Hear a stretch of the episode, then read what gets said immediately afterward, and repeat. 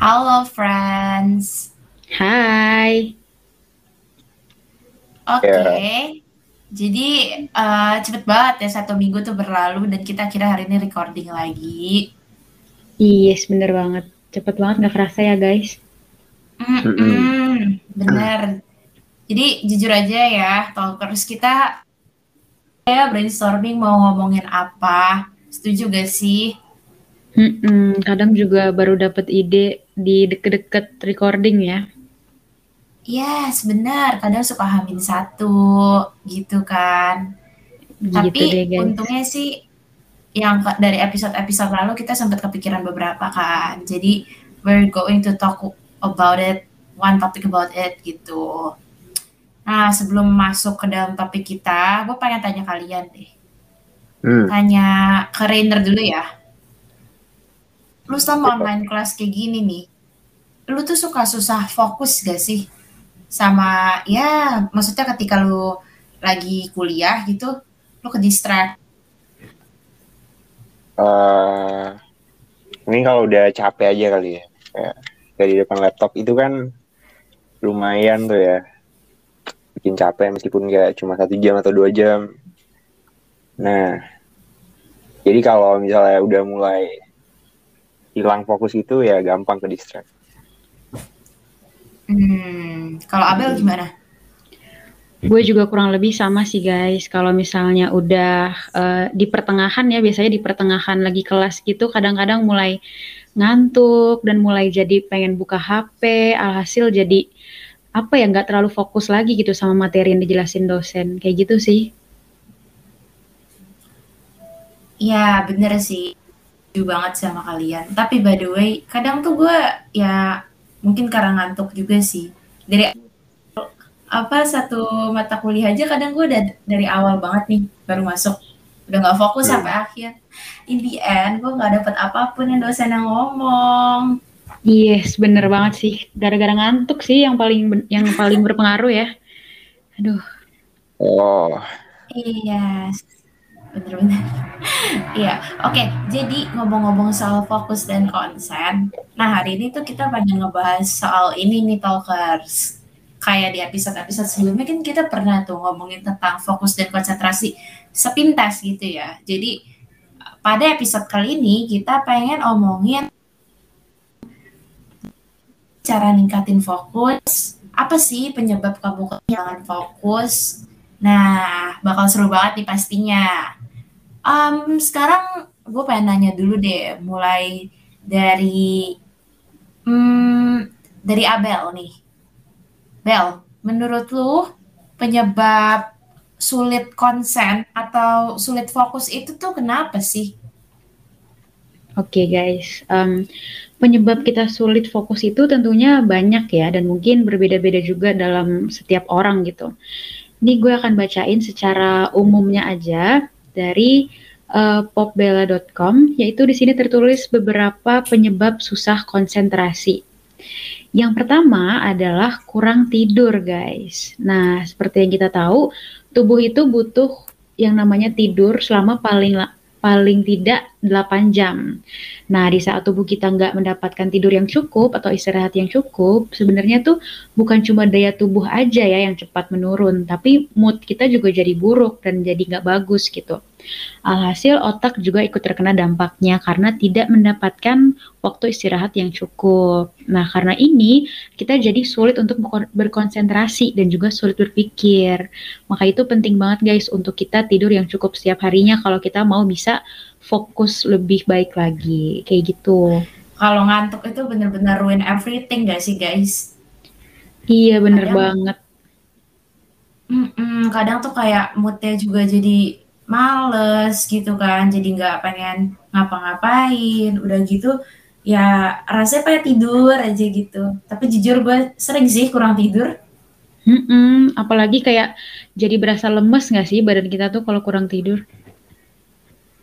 Hmm jujur aja yeah. sih tidur 8 jam gue yakin deh kalian juga kayaknya rada jarang gak sih tidur 8 jam? Ya kan kurang Iya jarang sih, gue mungkin kalau weekend aja ya bisa tidur 8 jam gitu, kurang lebih di hari biasa nggak nyampe segitu sih. Kalau Rainer yeah. gimana, Ray? Kalau Rainer 7 sampai 8 jam lah. Bisa okay, bagus lah. Ideal ya, lumayan. Wah, sehat sekali ya. Hmm, -hmm. Sehat, sehat. Aduh. Gara-gara hobi begadang gak sih, Bel? iya, kita gara-gara sering begadang sih, guys. Hmm. Jadi paginya juga ngantuk. Aduh, bener-bener. Kenapa begadang? Nggak tahu ya, kayaknya udah kebiasaan aja gitu. Gue ngerjain tugas juga malam, alhasil jadi kelewat aja gitu. Jam tidurnya jadi malam banget. Iya sih. Kadang tuh kayak ini loh, apa pas masih gak terlalu malam tuh, karena kita kebiasaan tidur malam, jadi pas jam segitu meskipun ngantuk, sekering gak sih lo kayak ngerasa, masa gue tidur sekarang gitu, ngerti gak sih, Bel? Bener, kayak, bener banget. Iya. Itu sebenarnya sebuah penyakit sih, harus disembuhin. Iya, padahal harusnya emang tidurnya cepet gitu kan, karena udah kebiasaan, jadi kita ngerasa aneh kalau tidur agak cepet, padahal ya emang benernya kayak gitu. ya mungkin dari pelan-pelan ya pelan-pelan mungkin polanya bisa diatur lagi iya bener banget yeah. harus pelan-pelan sih guys Nah, penyebab uh, susah konsentrasi yang kedua adalah kurang berolahraga, guys. Nah, ini penting banget nih untuk kita waspadai ya. Karena mungkin kita terlalu sibuk sehari-harinya sampai kita lupa gitu bahwa olahraga tuh sebenarnya sangat penting untuk kita lakuin ya, guys. Karena jarang berolahraga ini bisa jadi salah satu penyebab otak sulit untuk konsentrasi. Karena saat kita jarang olahraga, aliran darah kita itu jadi kurang lancar gitu, sehingga oksigen juga kurang maksimal mengalir ke otak. Maka itu penting banget sih buat kita uh, selalu berusaha untuk luangin waktu olahraga di tengah kesibukan kita, guys. Ya, karena olahraga bisa bikin ini ya aliran darah tuh lancar gitu ya. Jadi oksigen ke otak tuh bisa diserap maksimal gitu. Hmm, dan kita lebih fit juga sebenarnya kalau olahraga karena badannya kan udah bergerak ya. Iya, bergerak kita tadi. Setuju, setuju. Um, memang olahraga harus ya diselip-selipin di antara kesibukan.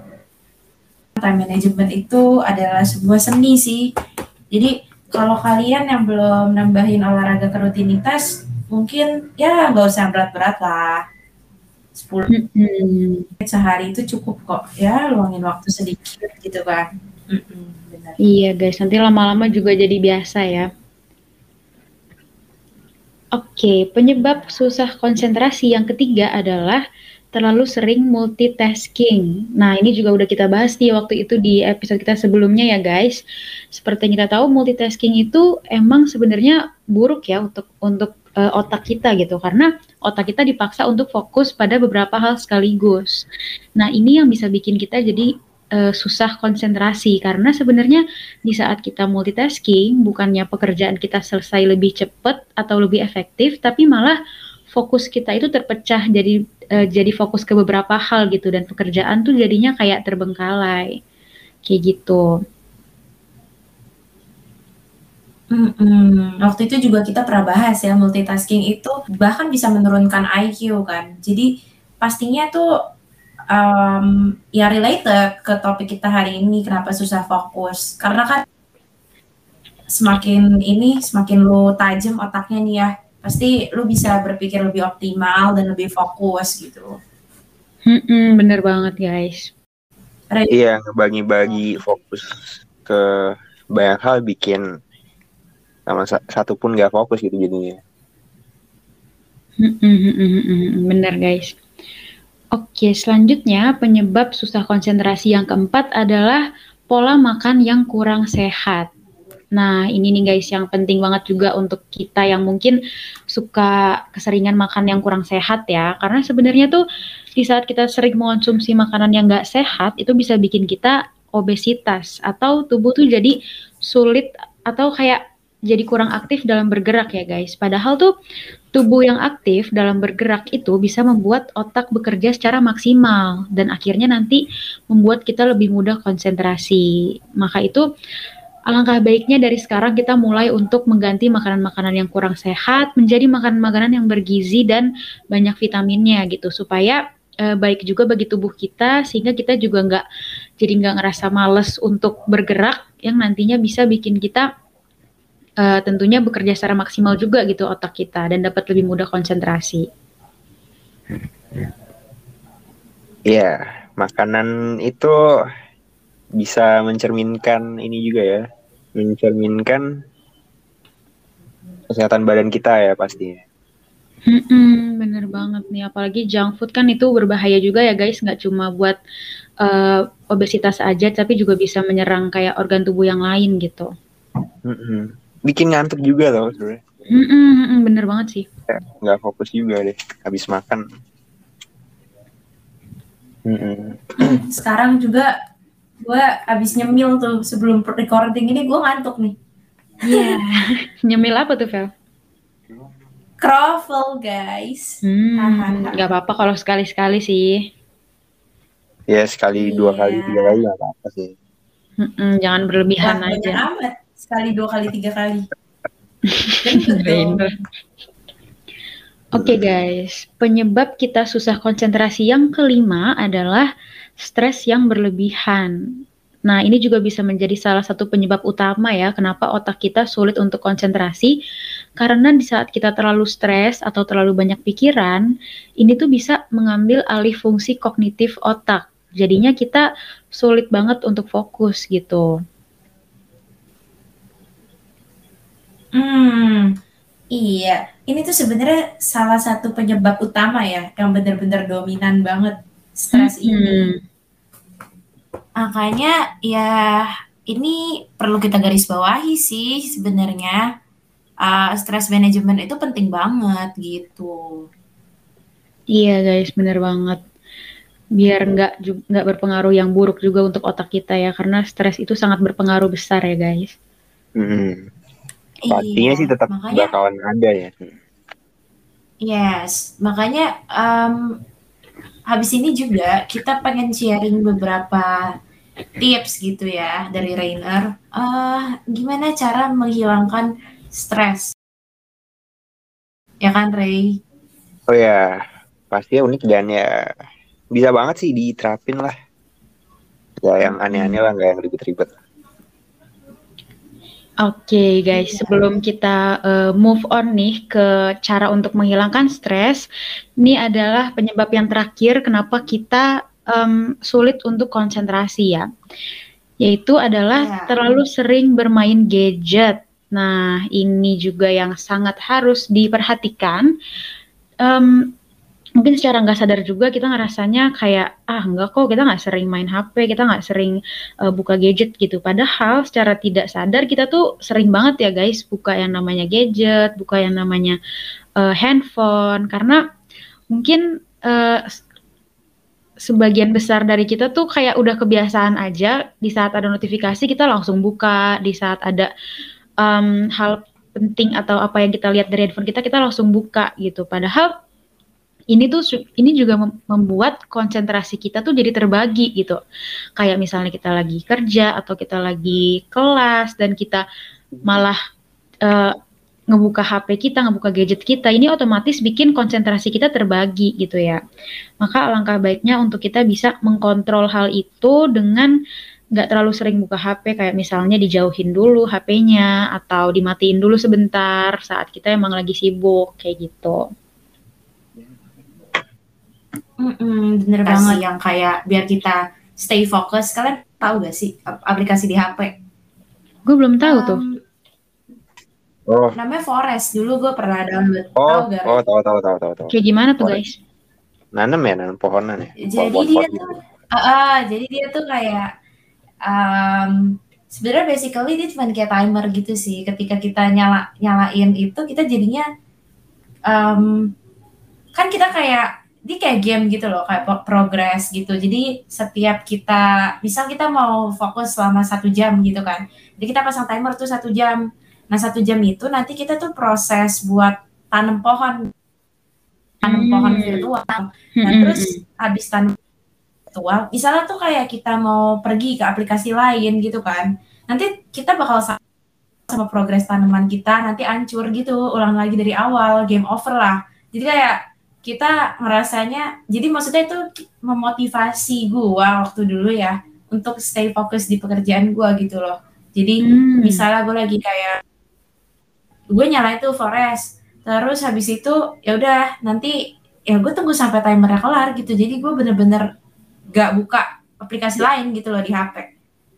Itu helping sih sebenarnya, cukup helping. Ya dengan catatan di laptop atau di gadget lainnya ya lu jangan buka-buka yang lainnya sama aja bohong dong. Iya iya iya, ini menarik banget ya guys buat dicoba, apalagi untuk kita yang terlalu sering banget buka HP. Ini gue baru tahu juga sih dari kalian. Boleh tuh dicoba. Terus juga di sono kalau nggak salah uh, udah sampai level berapa, gue lupa deh bayar atau enggak ya. Kita bisa selain ningkatin fokus kita Jadinya kita tuh nyumbang buat bang, uh, nanam satu pohon juga di tempat kekeringan gitu loh. Jadi hmm. kalian juga help the environment loh. Iya. Jadi keren banget sih aplikasinya. Iya, Simple tapi banget. kayak hmm. super useful. Iya berguna banget sih guys ini. Ntar bisa dicoba juga nih sama talkers ya. Oke, jadi tadi kita udah bahas nih hal-hal apa aja yang bikin fokus kita tuh berkurang gitu dan juga penyebab-penyebab uh, salah satu penyebab-penyebab stres gitu lah. Selain ini sekarang gue mau bahas tentang apa aja sih hal-hal sederhana yang bisa bikin stres kita tuh diminimalisir gitu supaya kita bisa tetap fokus dalam menjalani aktivitas kita. Yang pertama di sini tuh ada yang berkaitan sama peliharaan gitu. Nah, kalian punya peliharaan gak nih di rumah? Gue nggak punya guys, ya. jadi kurang bisa Tapi gimana coba gimana? Jadi kalau misalnya kan peliharaan itu kan biasanya uh, kita ulus-ulus gitu kan, dipegang mm -mm. badannya, pokoknya lucu deh liatnya kan apalagi lihat mukanya misalnya misalnya peliharaannya anjing gitulah atau kucing gitu.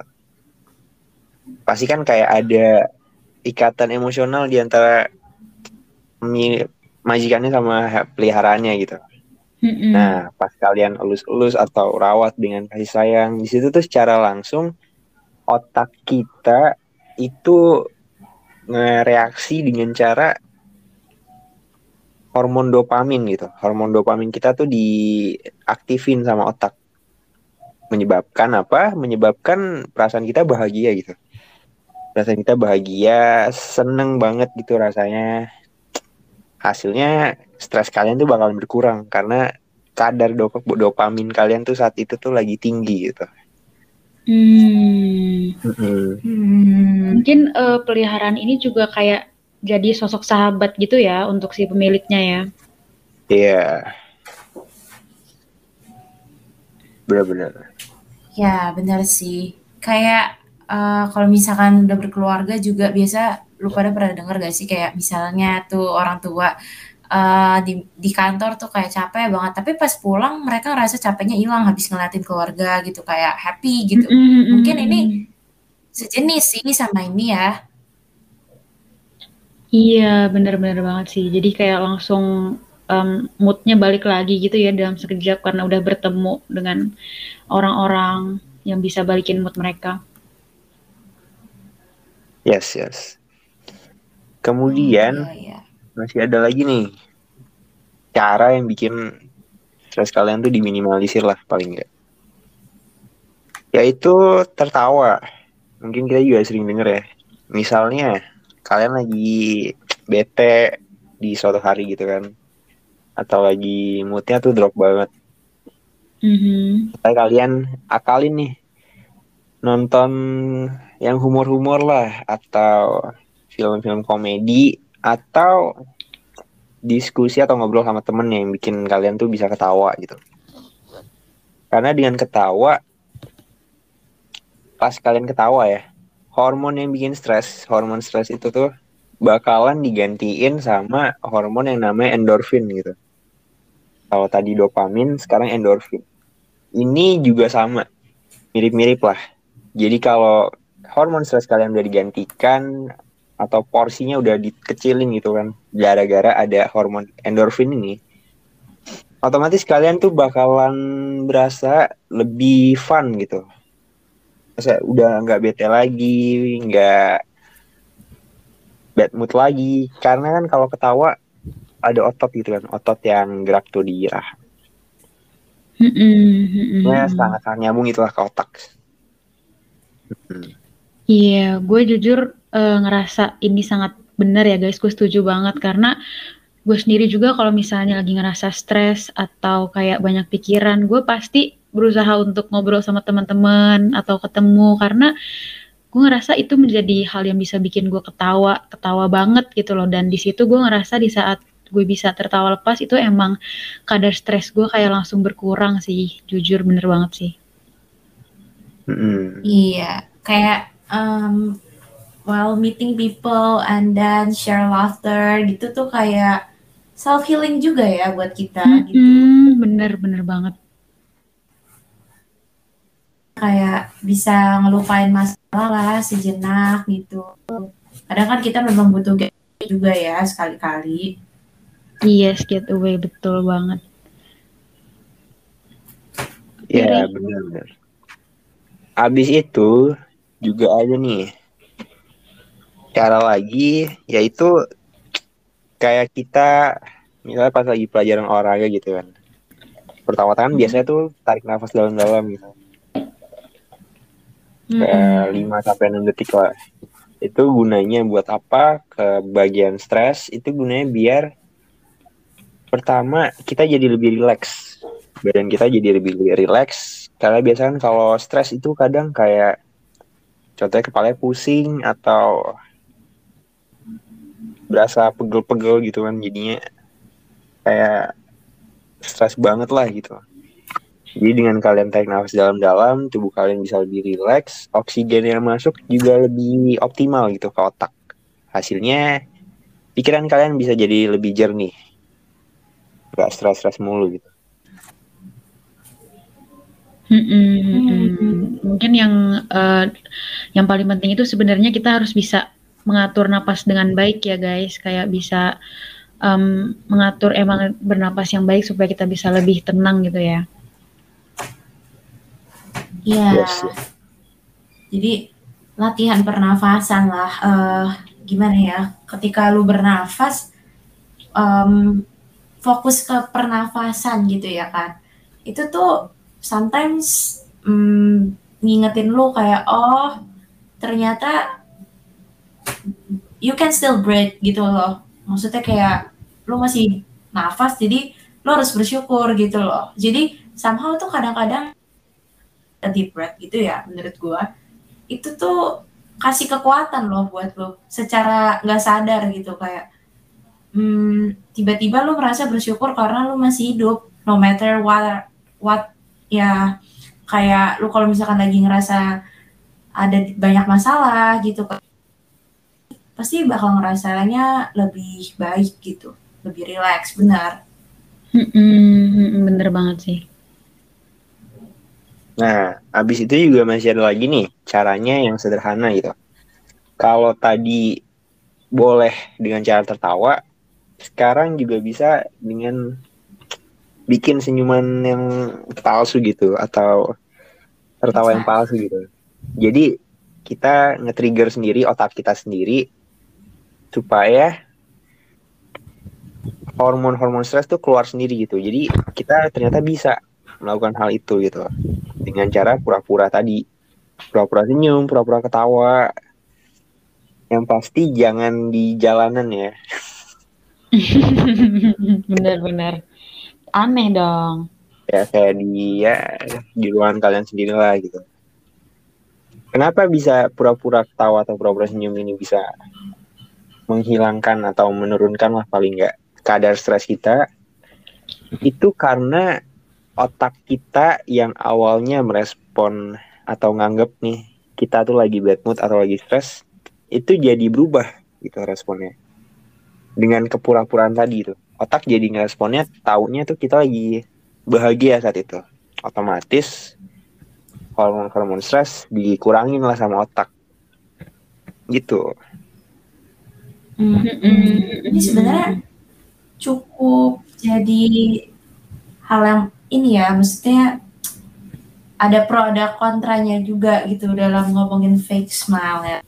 Tapi ya mungkin berdasarkan penelitian sudah dibuktikan ya kalau misalkan senyum pura-pura itu really helps juga loh uh, untuk ngurangin stres. Tapi kalau lo keseringan ngelakuin gitu ya pastinya enggak gimana pun tuh kayak emosi kan harus diluapin juga. Kalau lu terlalu yeah. sering fake smile, jadinya nanti malah menutupi um, emosi yang sebenarnya. lain. Hmm. Mm-hmm. Yeah, yeah. sebenarnya senyuman palsu ini dipakai buat mengakali otak kinerja otak kita sebenarnya. Jadi kalau misalnya kalian lagi sendirian itu bolehlah dicoba karena supaya uh, tadi kalau misalnya udah benar-benar stres banget lah mungkin ya bisa dicoba ya. Kalau stres yang masih bisa di di handle sendiri dengan nggak perlu bikin senyuman atau ketawa palsu ya nggak perlu juga gitu. Benar-benar banget. Cara terakhir deh dari gue itu tuh kalian punya kunyahin permen karet lah. Mungkin kalian juga udah pernah denger nih hal ini kalau punya permen karet itu bisa nurunin kadar stres gitu. Kenapa bisa ya, turun? Mm -hmm. Kenapa? Kenapa, Fel? Fel? Iya, gue tadi ngomong really. Oh, gak kedengeran, sorry, sorry gue dengernya iya pih gitu. Oh denger tutup suara Rainer tadi kayaknya. Gue ngomongnya jauh ya Ray gitu. Ya mirip-mirip. Ya mirip lah.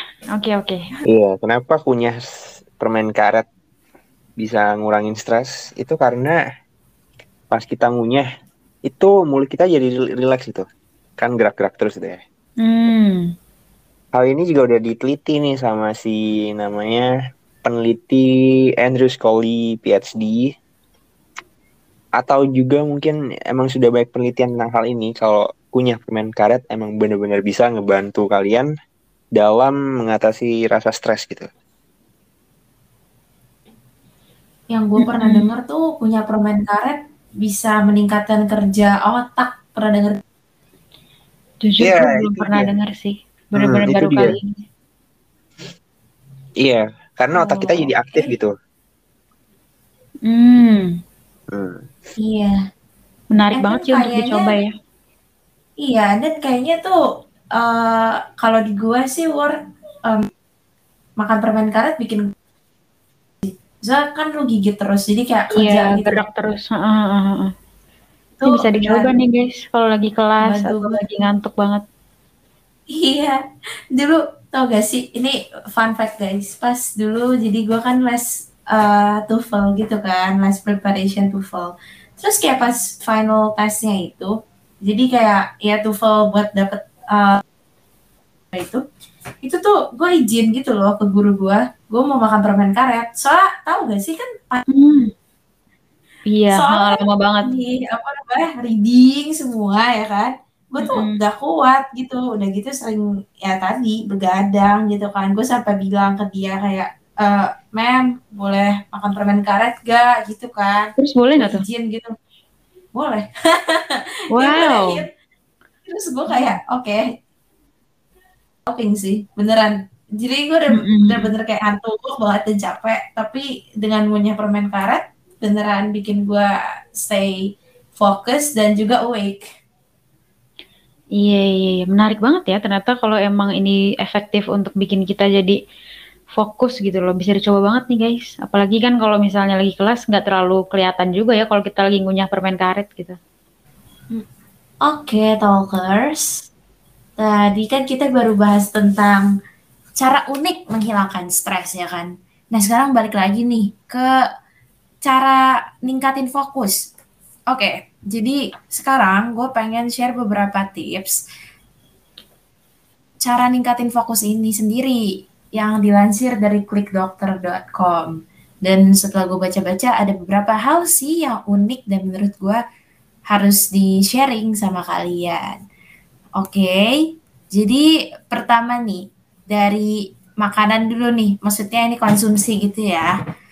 Um, studi menunjukkan kalau kita makan sarapan itu di pagi sarapan di pagi hari itu bisa meningkat dan fokus. Nah, hmm. tapi jangan makanan yang tinggi kalori karena katanya makanan yang tinggi kalori itu bisa mengganggu konsentrasi. Jadi sebaiknya nih kalau kita sarapan banyakkan makanan mak aja gitu. Contohnya kayak gandum, produk susu, sayuran atau buah-buahan yang biasanya ya sering kalian dapetin gitu loh. Maksudnya di sereal atau kayak menu sarapan yang sebenarnya um, masih da, masih masalah konsumsi nih. Ternyata konsumsi ikan itu terbukti dapat meningkatkan konsentrasi loh guys. Jadi ikan ini kan tinggi akan kandungan asam lemak omega 3 yang terkenal tuh bisa menyehatkan otak. Jadi kalau misalkan sering-sering konsumsi ikan secara rutin dan teratur, itu bisa menurunkan resiko demensia dan stroke di kemudian hari. Terus hmm. dalam satu minggu tuh kita makan ikan dua kali, tapi variasiin ikan-ikannya ya supaya ya kita dapat berbagai macam gizi dan manfaatnya.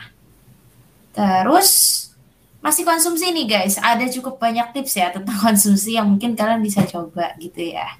Nah, ternyata kacang-kacangan itu mengandung antioksidan dan vitamin E dalam jumlah yang sangat tinggi. Nah, kombi kombinasi misalkan dihubungkan ke fungsi kognitif ya, ini bisa membuat Anda mempertahankan konsentrasi. Jadi selain kacang-kacang selain kacang-kacangan, antioksidan itu sebenarnya bisa ditemuin di beberapa jenis makanan. Kayak coklat yang mengandung kafein alami. Sama yang terakhir nih, itu konsumsi makanan mengandung gula atau glukosa. Nah, sebenarnya um, ini yang penting jangan berlebihan ya. Tapi kalau misalkan kadar yang masih pas, itu bakal membantu gitu karena masa itu adalah salah satu senyawa yang dibutuhkan otak untuk menjaga fungsi optimal. Jadi nih dari beberapa um, saran-saran makanan yang gue kasih tahu mungkin kalian boleh cobain sih. Hmm, hmm, hmm, ini penting banget juga ya guys karena apa yang kita konsumsi itu benar-benar bisa pengaruh ya ternyata ke konsentrasi kita gitu dan kemampuan otak kita. Iya. iya. Dan makanannya juga simple tadi ya. Hmm, kelihatannya nggak yang emang ribet-ribet atau gimana. Yang penting kandungan dalam makanannya itu yang harus kita perhatiin. Hmm. Selaras ya sama what you are what you eat. Hmm, hmm bener tuh, Vel. Ya. Yeah. Oh iya, sama jangan lupa minum air yang banyak guys, karena ya kalau misalkan dehidrasi pastinya juga mengurangi kinerja otak gitu loh. Jadi ketika lu kurang minum, otak lu juga terhambat gitu buat stay in focus. Hmm, yang penting jangan sampai dehidrasi ya guys, yang jangan sampai kekurangan cairan gitu tubuh kita. Iya, hmm. berasa banget sih. Kalau kurang minum tuh berasa banget gitu. Hmm, sumpah, jadi kayak, duh, nggak enak aja gitu badannya juga. Hmm. Iya. Oh iya. Tadi hmm. kan udah ngomongin tentang makan dan minum ya. Nah, terus sebenarnya ini cukup menarik sih, yaitu main game. Main game. Kita main game itu kita melatih otak loh guys. Tapi dengan, dengan catatan ya. ya.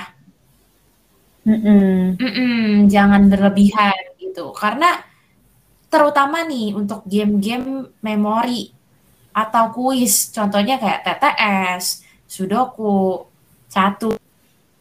Kan? Yang kayak brain quiz gitu loh. Ya banyak juga sih aplikasi-aplikasi game gitu um, yang kalian bisa gampang download di mana-mana. Jadi ini bakal membantu kalian untuk stay fokus gitu. Ya gak usah lama-lama sehari. Jangan terlalu lama lah pokoknya. Kena hmm sorry maksud gue baik. Ya hiburan itu tetap butuh gitu loh. Playing game itu bisa selain menghibur mungkin kalian ngerasa kayak ngapain sih gue buang-buang waktu? gitu kan. Tapi sebenarnya um, itu membantu kerja otak kalian juga loh guys. Hmm, hmm, hmm, hmm. Ternyata bukan malah buang waktu ya guys, main game itu emang diperluin juga dalam uh, sela-sela aktivitas kita karena bisa ngelatih otak kita juga ya, ngelatih kemampuan kognitif gitu. Iya, bener-bener. Itu ada kakek-kakek tuh, dia main game tuh biar nggak pikun gitu. Oh Wah. iya iya. Iya kayaknya bisa berpengaruh sih. Emang ada penelitiannya juga kok. Hmm. Iya, benar. Karena uh, jadinya otaknya terlatih terus gitu ya kan daripada iya. cuma diem gitu kan gak ngapa-ngapain ya. Paling nggak mikir lah dia otaknya. Hmm. Iya sama sebenarnya nih cara ningkatin konsentrasi otak itu sebenarnya uh, easy. Super easy. Tapi mm, maksudnya gampang buat disebutin susah dilakuin sih guys. Hmm. yang karena hmm, another way adalah tidur atau istirahat dengan baik. Jadi kayak tadi udah dikasih tahu penting banget tidur itu ya kan. Sama ketika misalnya kita kayak lagi beraktivitas gitu, jangan lupa tuh guys lakuin Pomodoro yang kayak kita sering juga bahas karena yes. teknik ini tuh berguna banget gitu loh. Jadi memang kita tuh ada mak maksimal otak jadi kayak kita nggak bisa stay in fokus terus-terusan itu impossible. Makanya cara mengoptimalkan dan tetap produktif adalah dengan uh, teknik Pomodoro ini di mana let our, our brain buat istirahat tapi kita juga um, in the same time kita tetap bekerja gitu loh atau belajar gitu. Jadi um, stabil lah gitu. Proporsinya itu balance nggak kayak lebih berat sebelah dan yang lebih kerennya lagi dengan ngelakuin teknik ini malahan pekerjaan kalian bahkan bisa selesai lebih cepat sih. Iya. Yeah. Mm -mm. Kalau pakai teknik Pomodoro tuh fokusnya tuh benar-benar dioptimalin lah. Iya, nggak kelamaan dan nggak kurang waktu juga ya kayaknya pembagian waktu untuk fokusnya. Iya, benar-benar. Jadi nggak usah yang kayak harus fokus terus terusan. Kalian ya mungkin dari kayak misalkan yang susah banget fokus nih ya, mungkin bisa kayak even pertama kali coba lima menit kerja terus lima menit break itu menurut gua nggak apa-apa sih. Nanti lu bisa tingkatin lagi ke 10 terus breaknya tetap lima menit gitu terus lu bisa tingkatin lagi terus-terusan gitu lama-lama lu pasti bisa lebih fokus mm -mm, mm. harus dicoba sih guys ini ya yeah. oke okay. sebenarnya yang oh, terakhir sorry, banget nih guys terakhir banget uh -uh, itu adalah meditasi dan juga back to nature Di mana ketika kita meditasi itu sebenarnya kita mencoba untuk menjernihkan pikiran kita. Ini ya ini sih apa namanya cukup sulit dilakukan, tapi sangat baik untuk kalian coba gitu. Karena ketika kalian meditasi pikiran kalian itu berusaha netralin, ditenangin. Apalagi kalau misalkan kalian tuh bisa meluangkan waktu untuk ya menenangkan diri pergi ke kayak pedesaan gitu. Pergi ke alam itu sederhana banget gitu loh. Ha, hal yang hmm, apa ya ketika ngerasa nggak sih kadang um, misalnya udah capek banget sama kayak hiruk pikuk Jakarta yang bener-bener pusing banget ketika lagi vacation misalnya kayak ke, ke puncak kayak atau ke mana gitu ya. Itu kalau ngeliatin hamparan padang yang hijau yang luas itu rasanya kayak lebih tenang gitu. Kayak iya karena warnanya um, hijau. lebih... hmm. karena warnanya hijau. Iya warnanya hijau. bikin tenang coba deh sekalian cari deh Iya sih, gue juga pernah dengar dengar. Apa ini? Psikologis warna. Hmm, iya. Yeah. Iya, kayaknya ada, ada emang fakta psikologisnya juga ya, Ray. Katanya warna hijau bisa bikin kita lebih tenang gitu. Ya, bikin matanya juga nggak nggak capek gitu. Mm -hmm. Karena tau gue ya biasa kalau misalnya lihat orang kebanyakan lihat komputer atau layar gitu, di situ lihat warna yang kehijau-hijauan gitu. Abis setelah penggunaan yang cukup lama ya di komputer atau di layar gitu. Wow, psikologi warna ya. Iya sebenarnya kan maksudnya yeah, banget bisa banget kita bahas nanti guys kapan-kapan ya kayak perwarna itu maksudnya ya kalian jadinya tahu gitu loh cara hmm. menggunakan mata kalian dalam melihat warna menarik ini hmm. iya betul sekali hmm. Oke okay guys, dari tadi kan kita udah bahas banyak banget ya dari mulai penyebab kita susah konsentrasi, kita juga udah bahas tadi cara-cara untuk um, menghilangkan stres karena stres itu menjadi salah satu penyebab utama juga kita susah konsentrasi ya. Nah sekarang gue pengen bahas nih satu hal yang penting banget untuk kita ketahui ya, karena sebenarnya uh, selain berbagai macam banyaknya penyebab gagal fokus atau penyebab susah konsen, sebenarnya memang ada sebuah penyakit mental yang bisa menyebabkan kita susah fokus, guys. Namanya adalah ADHD atau ADHD. Nah, sebenarnya gejala ini apa sih? Oke, jadi ADHD ini adalah singkatan dari Attention Deficit Hyperactivity Disorder, yang artinya adalah gangguan jangka panjang yang menyerang anak-anak yang ditandai dengan perilaku impulsif, hiperaktif, dan kurangnya perhatian. Nah, mungkin untuk uh, gejalanya bisa dibacain sama Rainer? Iya, yeah, iya. Yeah. Kalau buat ADHD sendiri atau ADHD tadi gejalanya tuh gampang teralihkan gitu fokusnya.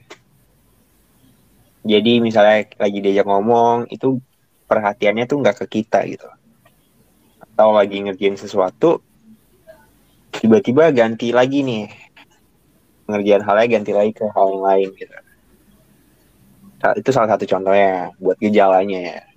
Mm abis itu juga pastinya hiperaktif nih gejalanya. Nggak bisa diem gitu. Pengennya nggak bisa duduk diem gitulah. Pengennya gerak terus kayak stamina nya tuh unlimited gitu nggak gitu. Habis itu gejala satu lagi tuh dia impulsif ya. Gampang banget ngambil keputusan atau terlalu cekatan gitu. Hasilnya ya nggak dipikirin dulu apa yang dia ambil keputusan itu benar atau enggak gitu.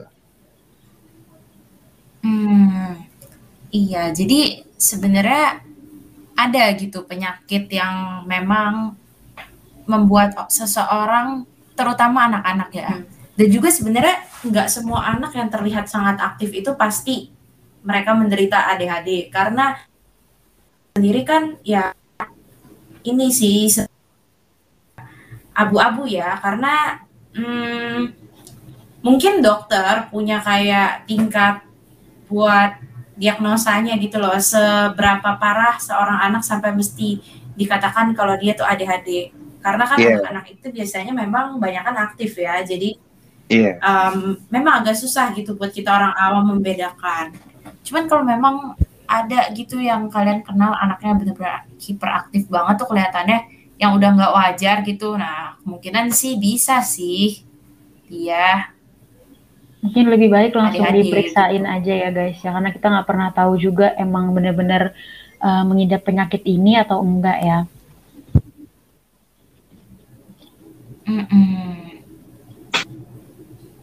Sebenarnya pun uh, nggak ada obat yang benar-benar bisa ngobatin penyakit ini sih. Sampai saat ini tuh cuman lebih banyak ke terapi-terapi aja gitu. Tapi kan ini bakal pastinya ngebantu gitu daripada nanti kebawa kan sampai kayak gede dia kayak gitu.